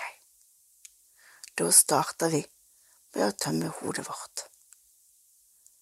Og det gjør vi med å puste inn og ut sånn som vi pleier. Pust godt inn med nesa. Eh, Ideen til den kom eh, fordi at jeg sliter med å sove. Og så, eh, så godt podkast kom fordi at jeg ikke får sove. Og så begynte jeg å leite etter noe som kunne få meg til å sove, men som var på norsk. Og det fantes jo ikke overhodet. Sånn at eh, da begynte jeg å tenke hm, Går det an å lage det sjøl, kanskje? Og så eh, hadde jeg da en assistent som er gründer og artist og dame med tusen jern i ilden. Så hun eh, Jeg sa det tilfeldig til hun, jeg vet ikke hvorfor jeg sa det, at du, jeg, Linda, jeg tenkte på Hadde det gått an å lage podkast for å få folk til å sove? Ja, sier man, hvordan har du tenkt å gjøre det, da? Nei, altså, jeg vet ikke, jeg. Sånn, noe sånt som at Tja, kanskje jeg satt på sengekanten til folk, eller noe. Ja, men hvordan ville det høres ut? spurte hun meg. Så sier han ja Ja, men lat som du skulle gjort det, da, sa hun. Jeg bare ja, OK. Og så begynte jeg, og så gikk det et par minutter sånn Stopp, stopp, stopp! Jeg bare Her var det så ille? Nei, vi må jo få dette ut! Få det ut? Hva snakker du om? Det går jo ikke an! Jeg må jo ha studio og greier og ting og tang. Nei, sier hun. Jeg bruker min mobil. Jeg lager podkast. Jeg bruker min mobil. Jeg bare Hæ? Gale menneske. Bruker du din mobiltelefon? Hun bare ja, det gjør jeg. Jeg bare Er det mulig? Hun bare jepp. Bare vent litt her nå. Så var det fram med Mac, eh, med Mac-en min, og så var det tast, tast, tast, tast, tast. Og så var det Ja! Nå, Imrete, nå må du lage din første podkastepisode. Jeg bare eh, OK, ja, OK, OK, greit. Så innen en time etter at jeg hadde foreslått det, så var første Sov godt-podkast på lufta. Og så er det jammen meg eh, flere hundre tusen som har hørt på det. Hva, hva tenker du om det? Du har liksom Ja, det er, det er litt sånn Det er veldig rart, altså. Og Se og Hør kom på besøk til deg? Ja, har ikke de Nei, de får ikke lov å komme innenfor dørene hvis de hadde ringt uansett. Så de er ikke velkommen her i huset. Men du er jo mange sin stemme, da. Ja, det er jeg. Og det, det er veldig rart, egentlig. Det er, det er veldig rart å tenke på at jeg hjelper veldig mange med å sove. Um, det er veldig, veldig, veldig, veldig rart. Men hva tenker du om at det betyr noe for andre? Når flere hundre tusen har hørt det, så betyr det jo noe. Absolutt. Um, jeg blir stolt. Jeg blir glad. Jeg blir takknemlig. Uh, det å få være noe for andre, det er jo en viktig ting. Jeg er et teatermenneske. Har søkt på Statens teaterskole, har spilt amatørteater og sånn, men alltid blitt stoppet fordi at jeg har fire hjul i tillegg, det vil si rullestol på godt norsk. men dette, Kurt, dette er min teaterscene. Dette Det er jo ikke grenser hva du kan gjøre, da. Nei, sant? sant? Og greien her er at her er det ingen som sier 'stopp, nei, nei, vi vil ikke ha det sånn'. Her er det jeg som er sjef. Og her er det jeg som sier 'nei, dette var ikke godt nok, Inge Merete, ta det en gang til'.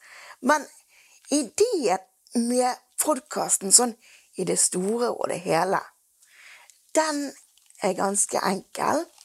Ganske enkel og eh, genial.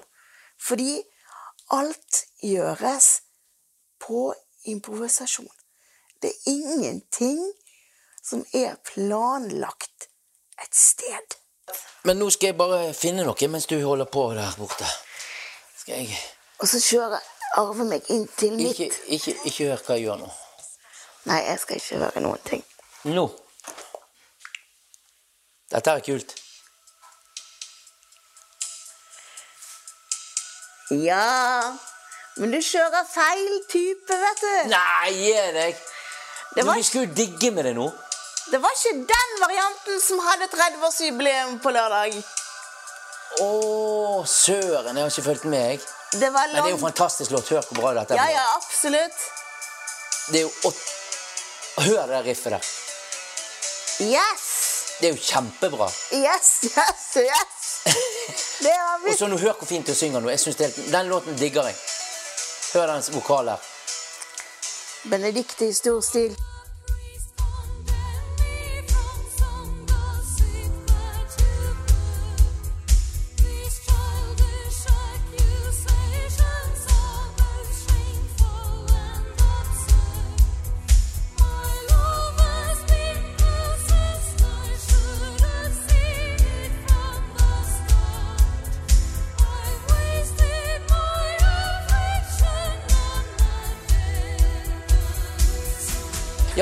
Er jo da litt eh, Merete. Ja, Ingrid Merete. Ja. ja. Eh, skal jeg si Ingrid Merete? Ja, burde spurt før vi begynte til opptaket. Burde kanskje det. Men du er veldig glad i Dolly Lux? Ja. Jeg er veldig glad i Ingrid Bjørnar og Benedicte Algren. Ja, hvorfor det? Fordi at når jeg ble fem av de i 95, så ehm, tok de meg som jeg var, rett og slett. Ehm, det høres veldig rart ut ehm, når jeg sier det sånn, men ehm, det å sitte i rullestol og være blind, det fører av og til eh, til veldig mye rar oppførsel blant folk. Eh, folk tør ikke hilse på meg. Folk står på en armlengdes avstand når de skal hilse på meg, for de, de vet ikke hvordan de skal gjøre dette her. ikke sant? Mens Inger Benedicte, de eh, kom rett bort og hilste på meg. Det var ikke jeg som spurte om de kunne gjøre det engang. Jeg eh, var også deres daværende oppsetning Henriette den åttende og hennes seks ekte menn. Eh, og da, eh, før forestillingen, så eh, sa hun som jeg da hadde bedt om å snakke med, en som hadde med Dolly å gjøre, for jeg eh, hadde noen spørsmål. Og da sa hun Inger Benedicte vil gjerne møte deg. Og jeg rakk ikke å tenke wow en gang før de bare var der. Og det første som skjer, er at begge to kommer bort og gir meg hver sin klem. Og for meg var det stort. For jeg var jo vant til at folk ikke liksom visste hvordan de skulle oppføre seg. ikke sant? Eh, mens de to her, de var genuint interessert i meg. Jeg husker eh, det første Benedicte sa til meg, var 'Så hyggelig at du kom i dag'. Og det har satt spor, altså. Eh, det har eh, virkelig betydd mye. Så jeg har vært fan av de siden 95, og derfor så var det veldig viktig for meg å få jubilert på lørdag. Litt av det som var vondt og vanskelig, og så klare å sove likevel. Sant? For jeg tenker at du kanskje har vært redd for at du ikke skulle få sove da. Mhm. Det skal vi prøve å ordne. Sant? Men før du sover, så er det to ting som er lurt å gjøre. Det ene, det er Jeg har jo alltid sett opp til opp til eh, deg fra da jeg var liten. Sant? Eh, for at du klarte alltid så mye mer enn meg, følte jeg. Ja, ikke det er rart at man tror. Ja, sant? For jeg, jeg har hatt et litt sånn det, det, er, det var litt stygt ment, men jeg har alltid hatt et uttrykk på sånne som deg. Mm. Jeg kalte de for superblinde. Det kaller jeg òg de for. Superblinde, det var folk som kunne ting mye bedre enn meg. Det var folk som gjorde ting jeg ikke kunne. Men de så ofte ned på meg, følte jeg. Å ja, du sitter i rullestol, du. Ja, da kanskje du øh, gjør sånn, og så kanskje du gjør sånn, og så kanskje du gjør sånn. De sa aldri det til meg, men jeg følte det sånn. ikke det er veldig rart, fordi at jeg òg ser jo på sånne Det er litt artig, der, for da er det mange av oss som ser på det så andre som, som noe som er mye bedre. Jeg har kalt dem for sånn superblinde, jeg òg. Jeg tror det er litt sånn i, i forhold til blinde folk, dette og blindemiljøer, at det blir Ja, sånn. ja. Jeg vet ikke om det er fordi man spiller en rolle, eller fordi at Det- andre det- tror at de kan så mye, at man definerer en annen inn i en rolle, kanskje. Hva tenker du om det? Jeg tror, jeg tror det handler både om at man tror at man spiller en rolle, og at man tror at uh, folk kan så mye mer enn en sjøl. For jeg var jo Altså, jeg har jo gått rundt og grudd meg til, til i dag, for eksempel. For jeg skulle jo møte deg. Altså, sant? Eh, Han må jo synes jeg er helt håpløs. Som får assistenten min til å kjøre meg rundt i min egen leilighet. Ja, ja, Ingebrigtse, du kan bare skylde på at han har med seg førerhund, så du vil ikke kjøre på den. Så dermed så Se, kjører du Are, så kan Kurt følge etter. Men stedet, Men årsaken er jo grunnen til at jeg får assistenten til å kjøre, er fordi at da går det mye kjappere. Og så vet jeg at jeg ikke kjører på deg. Jeg kjører ikke på førerhunden din. Det går ikke så tregt. Så når jeg kjører Folk kaller meg for snegl når jeg kjører på egen hånd, for jeg liker ikke å kjøre så fort med elektrisk rullestol. For da får ikke jeg med meg ting, sant? og så kan jeg krasje i ting og sånn. Og det er ikke jeg så glad i. Så er- Ergo så er det mye lettere å rope 'Arve!' når jeg trenger hjelp til å, til å komme meg fra et sted til et annet. sant? Det er mye lettere det enn å gjøre det sjøl. Men ikke det er godt å vite at det er ingen av oss er sånn super? Det er veldig godt å vite, Kurt, at selv du ikke er super. At vi kan legge den, den død for Ja. alle det vi tror på? Ja, det var, vel, det var veldig godt, kjente jeg. At å, Kurt Ove Mæland var ikke super, han Nei, heller. og, og, Så fantastisk. og, og vi er, vi, er vi, vi, vi, burde kanskje kanskje blitt flinkere å både vise svakhet og, og Ja. skjønne at andre har de samme utfordringene og andre utfordringer. absolutt, absolutt, altså. Men du, Ingrid Merete um, En ting så Du sitter i rullestol, og du er blind, og du har én hånd som funker. Mm, Ja, jeg har cerebral parese. Hva hva av disse her eh, funksjonsnedsettelsene gir det mest utfordringer? Altså, jeg tror um, det er det fysiske. Altså CP-en og spørsmålene uh, som, gjør, som er det største handikappet. Jeg ehm, vokste opp eh, litt sånn eh, spredt. Jeg er et barnevernsbarn. Um, det vil si at når jeg var ni år, så ble jeg tatt hånd om av barnevernet og ble flyttet til Tambertun, eh, som da var en eh, blindeskole, men som var på vei til å fases ut, sånn at vi som da gikk på skolen, det var ofte folk med mer tilleggshandikap enn bare blindhet. Hvordan var det å bli sendt dertil, da? Det var jo på en måte så var det jo ille, for jeg, jeg, jeg følte jo at jeg ble sendt dit pga. barnevernet, sant? pga. min hjemmesituasjon, og den var jo kritisk i seg sjøl. Så jeg hadde en alkoholisert mor.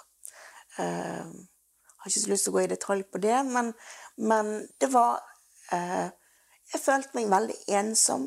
Jeg følte det var min feil at jeg ble sendt dit. Det var jo ikke min feil, men eh, jeg følte det. Men, men hvis du klarer å se vekk ifra det For når jeg kom opp der og fikk fortalt det til noen, så fikk jeg høre at ja, men det er jo ikke din feil.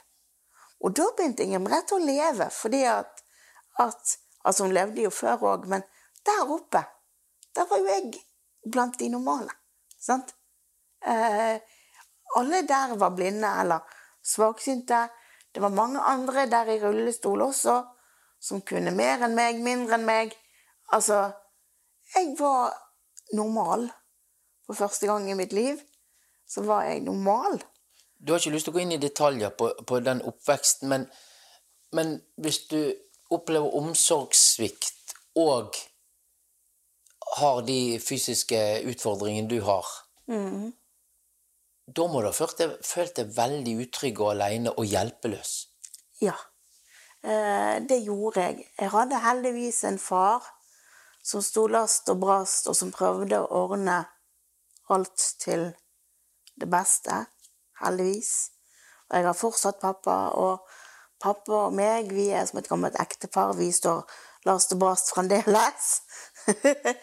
men, men, men ja, jeg var nok eh, veldig eh, ensom og hjelpeløs, fordi det var jo ingen eh, For det første var det ingen rundt meg her hjemme som hadde handikap som meg. sant? Altså, ja da, jeg visste at det fantes flere blinde enn meg, men jeg hadde jo bare møtt de via eh, en eh, skolen jeg gikk på, fordi de hadde sånn synssenter eh, på den skolen.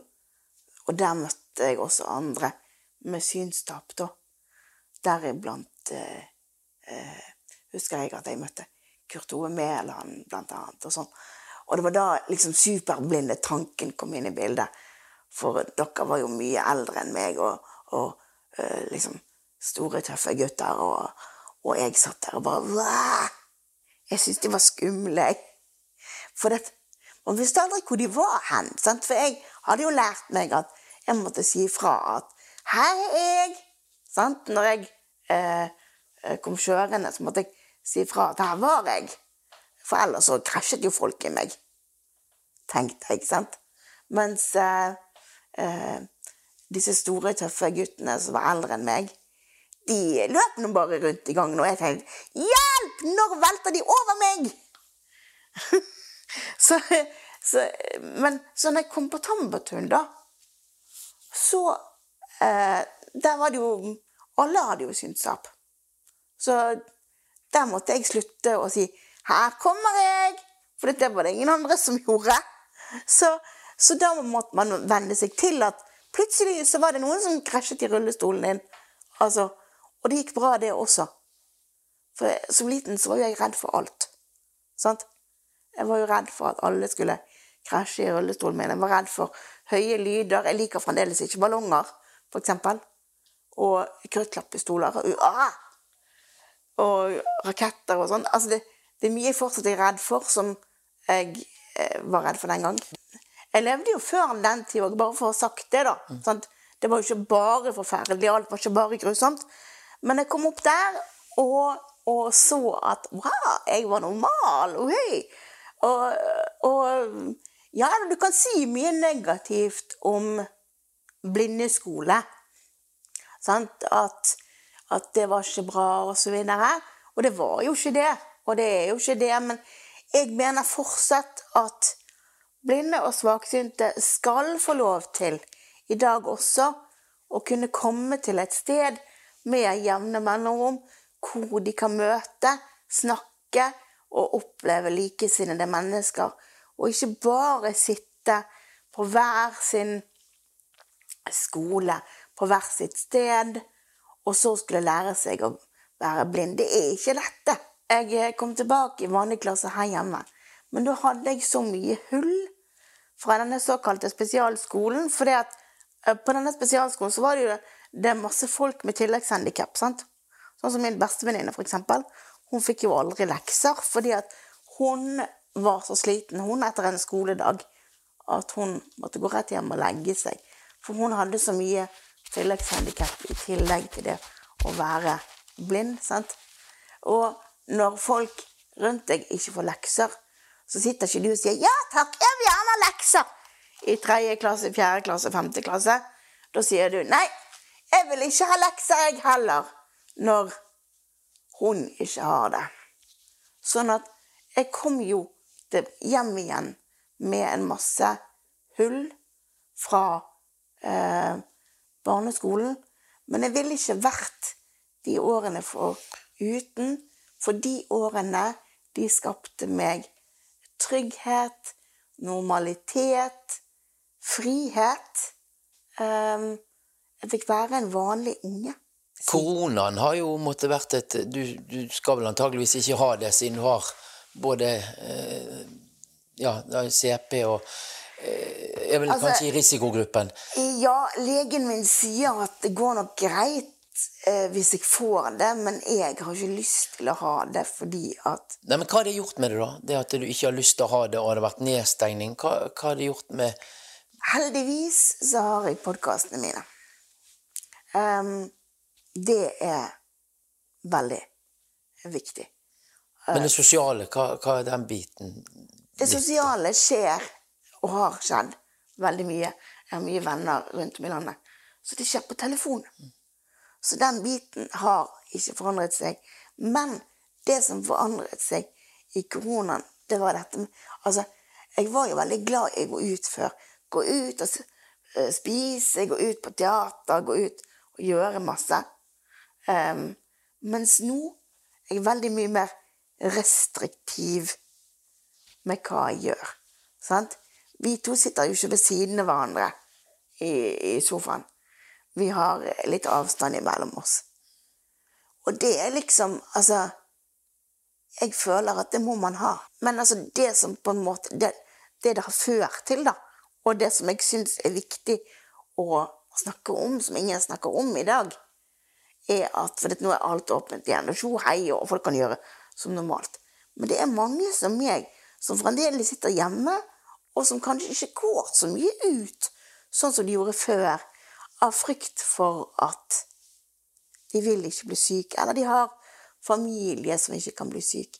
Men det snakkes ikke om lenger. Nå er det fri ferdsel, og alle kan gjøre alt.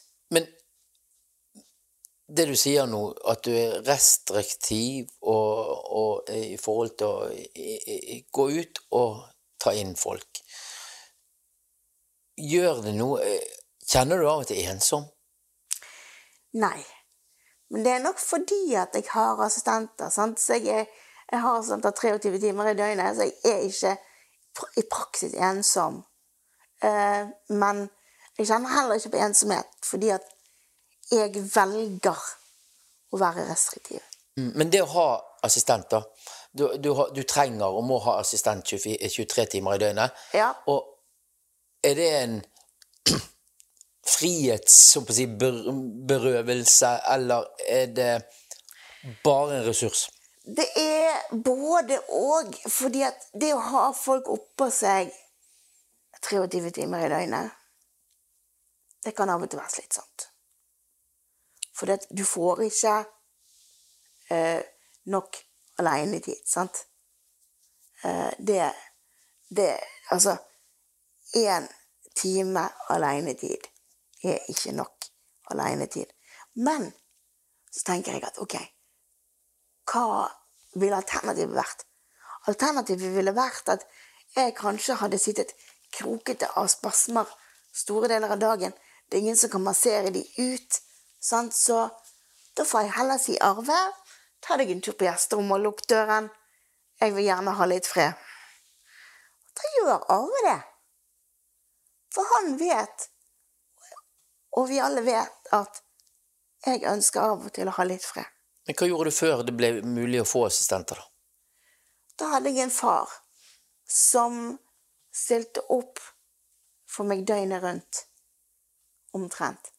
Det var vel tungt for deg å kjenne på den? Ja, og det er tungt fremdeles. Selv om han ikke gjør det lenger. Um, og det har jo gått utover min søster igjen. sant? Min søster er funksjonsfrisk. Ehm, har alltid måttet vente fordi Inger Merete har hatt stort hjelpebehov. Sant? Ja, men er det tungt det som har vært, eller er det ikke fortsatt tungt? Eh, Sånn? Nei, Nei. det er ikke fortsatt tungt, for nå er vi voksne, og nå og om familie og bor ikke her, liksom. Men det er tungt for meg fortsatt, det som var, at jeg har berøvet henne så mye pappa, på en måte. Sant? Um, og jeg skulle gjerne tatt en ordentlig voksen prat henne. Jeg håper jeg får lov å gjøre det en gang.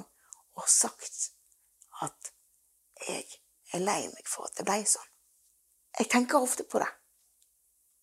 Eh, og jeg Hvis du tenker ofte på det, hva er det da? Er det skyld, eller er det bare at du syns det var dumt at det ble sånn, eller hva, hva skal du Altså, si? det er nok en slags Det er nok en slags skyld. Det er nok en slags skyld. Men jeg vet at det ikke er min skyld.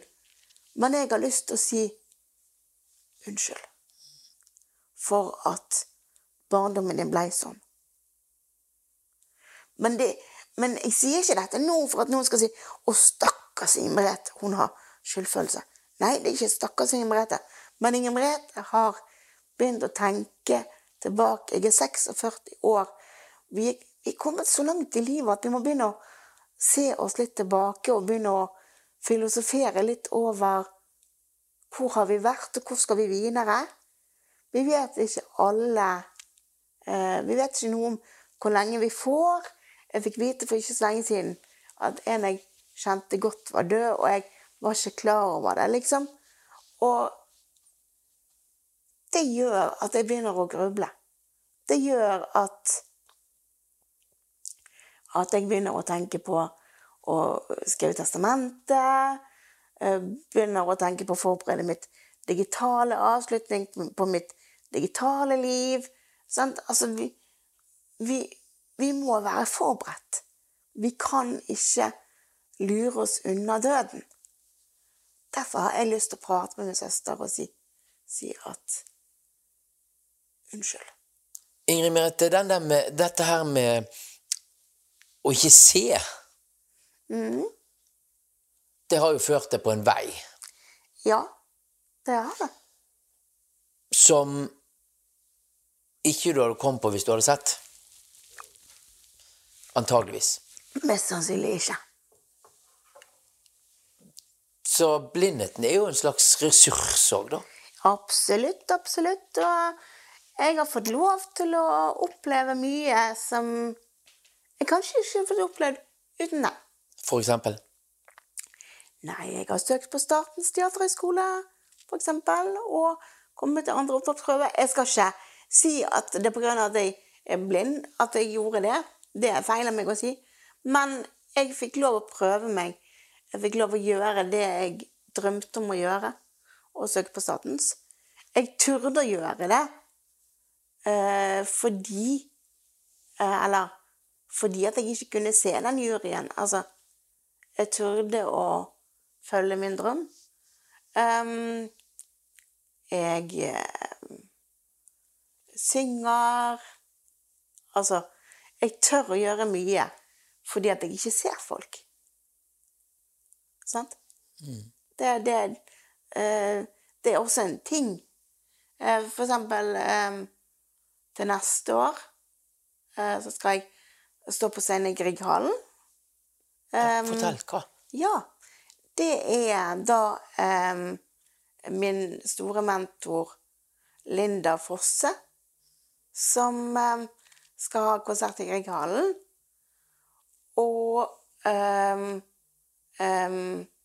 Når hvis ikke nå heter det showet. Det handler om å følge sin drøm, og da skal jeg snakke om podkasten. Tenk da, jeg skal stå på samme scene som Witch Witch eh, ble fremført første gang i 1987. Europe Ja. sto der. ja!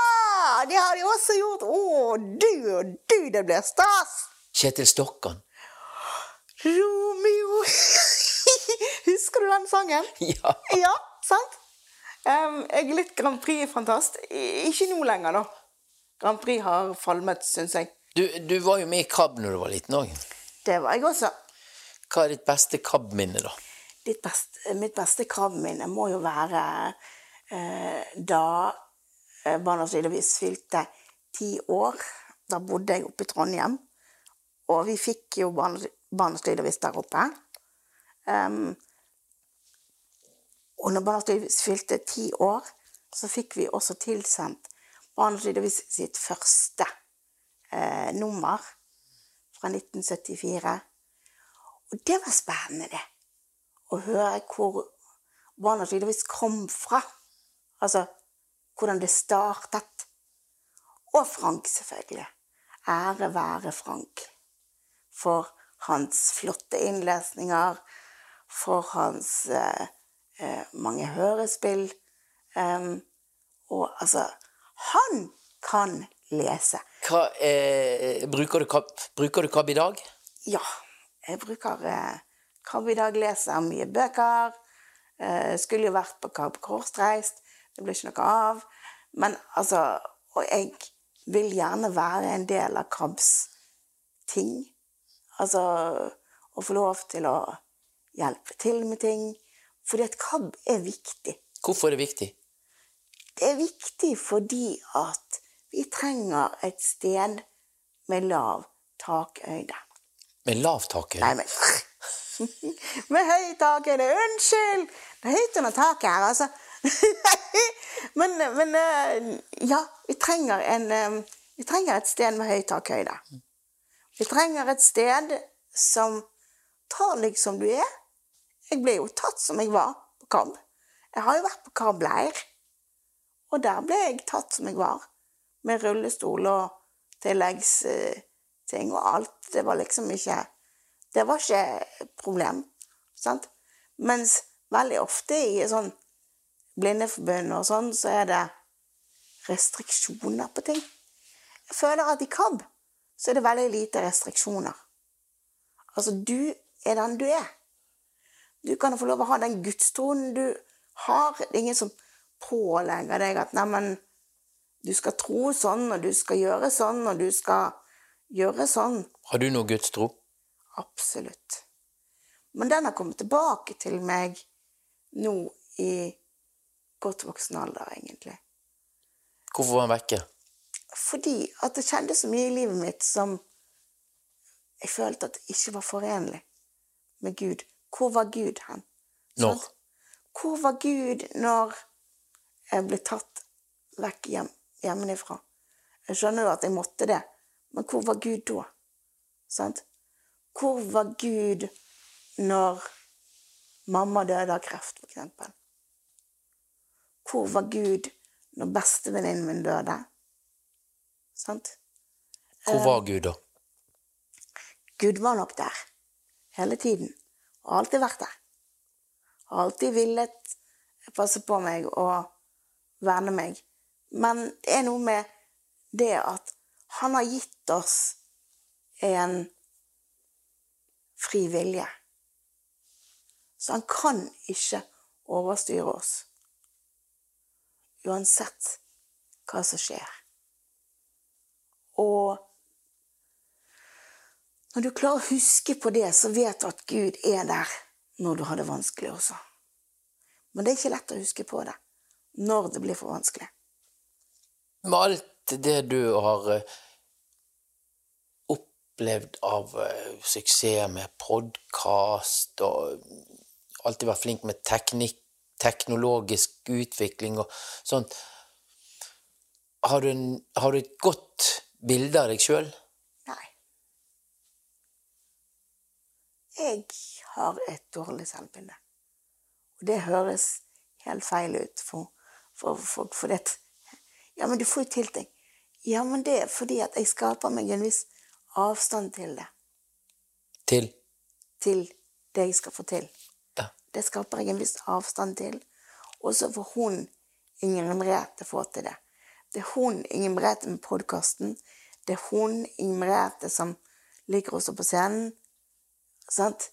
Mens den egentlige Ingrid Merete, hun eh, har i perioder veldig dårlig selvtillit. Hva er det som gjør det, tror du?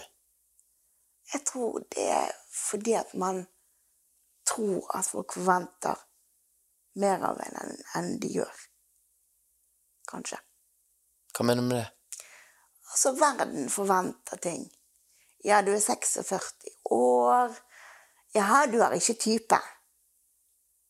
Feil. Sant? Jeg er ikke type. Feil. Der har jeg gjort en feil. ikke sant? Ja, nei, du har ikke barn. Feil. Men så tenker jeg, ja, men det er jo ikke feil. Livet ditt ble ikke sånn. Altså, du ønsket ikke å få barn fordi du har mer enn nok med ditt eget handikap. Du vil ikke at typen din skal både være far og mor i enkelte settinger fordi du ikke klarer å gjøre enkelte ting med dine barn. Derfor har jeg valgt det. Sant? Men ingen som spør om det. Sant? Men samfunnet forventer ting. Og ja, du har ikke type, du. Liksom. sant? Underforstått. Å ja, du er handikappet. Og er det derfor du ikke har type? Sant? Istedenfor å spørre meg hvorfor har ikke du type? Sant? Mm. Men, men jeg tror nok at det er jeg som tenker mye på dette. Og jo eldre jeg blir, og jo flere av vennene mine som får seg type, jo verre blir de tankene. Sant? Eh, for da føler jeg meg annerledes fordi jeg ikke har det andre har. Men jeg må jo slutte å tenke sånn. Men det er ikke så lett. Det er ikke så lett. Og jeg tror vi er mange der ute som sitter med en del av disse tankene.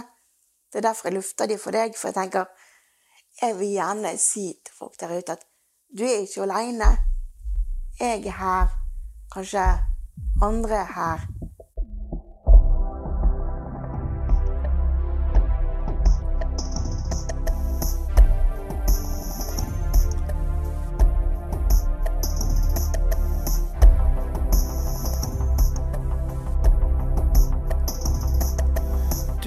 Hørt en podkast produsert av KAB, og likte du det du hørte, du, så er det bare å besøke våre nettsider, for der ligger flere podkaster. Altså, gå inn på kab.no. Vi høres.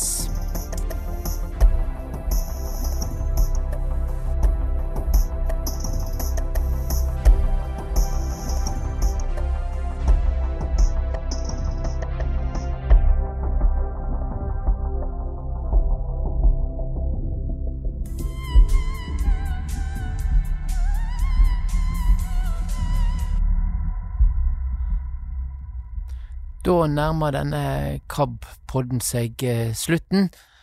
Måtte si takk til Ingrid Merete Berge der, som delte av eh, sin verden til oss. Du, eh, før denne Velkommen til verden, min verden-reportasjen, så kom jeg i skade for å glemme å eh, si hvem som var reporter på denne gospel-reportasjen. Det var Anne Sanne, iallfall. Så nå er det sagt. Du husker kanskje i begynnelsen at jeg snakket om en fest for Jesus, og du måtte vente litt for å få vite det, og nå har du ventet lenge. Fest for Jesus, det er dagens tanker om tro, det er Hilde Grumstad som leser, og det er hentet fra et påskemagasin for hele familien. God påske heter det, det er gitt ut av Stavanger Gospel Kompani. Så her får du andakt, tanker om tro, fra Hilde Grumstad. Og jeg takker for meg og sier på gjenhør. I denne Tanker om tro så skal du få høre en rett før påskeandakt skrevet av Egil Svartdal. Og den har vi funnet i et påskehefte som heter God påske, et påskehefte for hele familien, og det er Stavanger Gospel Company som står bak dette heftet. Først så skal vi lese fra Johannes, kapittel 12, vers 1 til 11. Jesus blir salvet i Betania. Seks dager før påske kom Jesus til Betania, der Lasarus bodde, han som Jesus hadde vekket opp fra de døde. Der ble det holdt et festmåltid for ham. Martha vartet opp, og Lasarus var blant dem som lå til bords sammen med ham. Da kom Maria med et pund ekte, kostbar nardussalve, og med den salvet hun Jesu føtter og tørket dem med håret sitt. Hele huset ble fylt av duften. Da sa Judas Iskariot, en av disiplene, han som siden forrådte ham, Hvorfor ble ikke denne salven solgt for 300 denarer og pengene gitt til de fattige? Dette sa han ikke fordi han hadde omsorg for de fattige, men fordi han var en tyv. Det var han som hadde pengekassen, og han pleide å ta av det som ble lagt i den. Men Jesus sa, La henne være, Hun har spart salven til den dagen jeg skal begraves. De fattige har dere alltid hos dere, men meg har dere ikke alltid. Det ble kjent i den store mengden av jøder at Jesus var i Betania. Nå kom de dit, ikke bare for hans skyld, men også for å se Lasarus, som han hadde vekket opp fra de døde. Da la overprestene planer om å drepe Lasarus også, for mange av jødene dro dit på grunn av ham og kom til tro på Jesus. Palmelørdag fest for Jesus Jesus og disiplene gikk den lange veien fra Kapernaum i nordlige Galilea for å feire påske i Jerusalem. De nesten 20 milene gikk de til fots, og turen tok flere dager. De må ha vært veldig trøtte og slitne da de tok inn hos sine gode venner i Betania, bare tre kilometer øst for Jerusalem. De tre søsknene som bodde der, var Jesu nære venner, så reisefølget fikk en hjertelig mottagelse. Martha, Maria og Lasarus lagde en skikkelig fest for Jesus denne lørdagskvelden. Det kan være fint å ha en fest for festens egen skyld. Da er vi mest opptatt av hvem som kommer, og hva som blir servert. Men noen ganger lager vi en fest for en hedersgjest. Det kan være en bursdagsfest eller en feiring av noens jubileum. De tre søsknene i Betania ville at Jesus skulle være hedersgjest og hovedperson på den festen de arrangerte. Jeg tenker ofte på dette når vi feirer gudstjeneste. Det er fint med alle som kommer, og alt det gode som blir servert, men gudstjenestens hovedsperson er Jesus Kristus. Vi feirer Jesus. Alle er invitert, og vi er heldige som får være med på festen. Maria bestemte seg for at hun ville gi Jesus det fineste hun hadde. Da kom Maria med et pund ekte, kostbar nardussalve, og med den salvet hun Jesu føtter og tørket dem med håret sitt. Hele huset ble fylt av duften. De som hadde greie på slikt, mente at salven var verdt en hel årslønn. Maria hadde kanskje tenkt til å bruke litt av den kostbare salven på Jesus, men det er ikke lett å holde igjen og telle dråper når hjertet renner over. Kjærligheten er ikke alltid rasjonell, den kan være uberegnelig. Hadde Maria en anelse om hva som ville skje med Jesus senere i påsken? Forsto hun at dette var hennes mulighet til å gi Jesus det mest verdifulle hun hadde? Selv om andre kritiserte Maria for det de mente var sløseri, tok Jesus imot gaven med takknemlighet. Han bekreftet henne og sa at salvingen i Betania hadde sammenheng med hans korsfestelse og begravelse. Gjerrighet er som svettelukt, men raushet er som parfyme. Stank er avskrekkende, men duft er tiltrekkende. Alle andre forstår ikke alltid våre valg og prioriteringer når vi bruker penger, talenter og tid i tjeneste for Gud. Men denne lørdagen før palmesøndag kan vi tenke på om vi har noe verdifullt som vi vil gi til Jesus. Så står det i Efeserne 5,2. Lev i kjærlighet, slik Kristus elsket oss og ga seg selv for oss som en offergave, en velluktende duft for Gud en bønn til slutt. Kjære Jesus, takk for at du ga alt du hadde til oss. Hjelp oss å gi deg det beste vi har, og være rause med hverandre. Og med det så ønsker jeg dere en riktig god påske.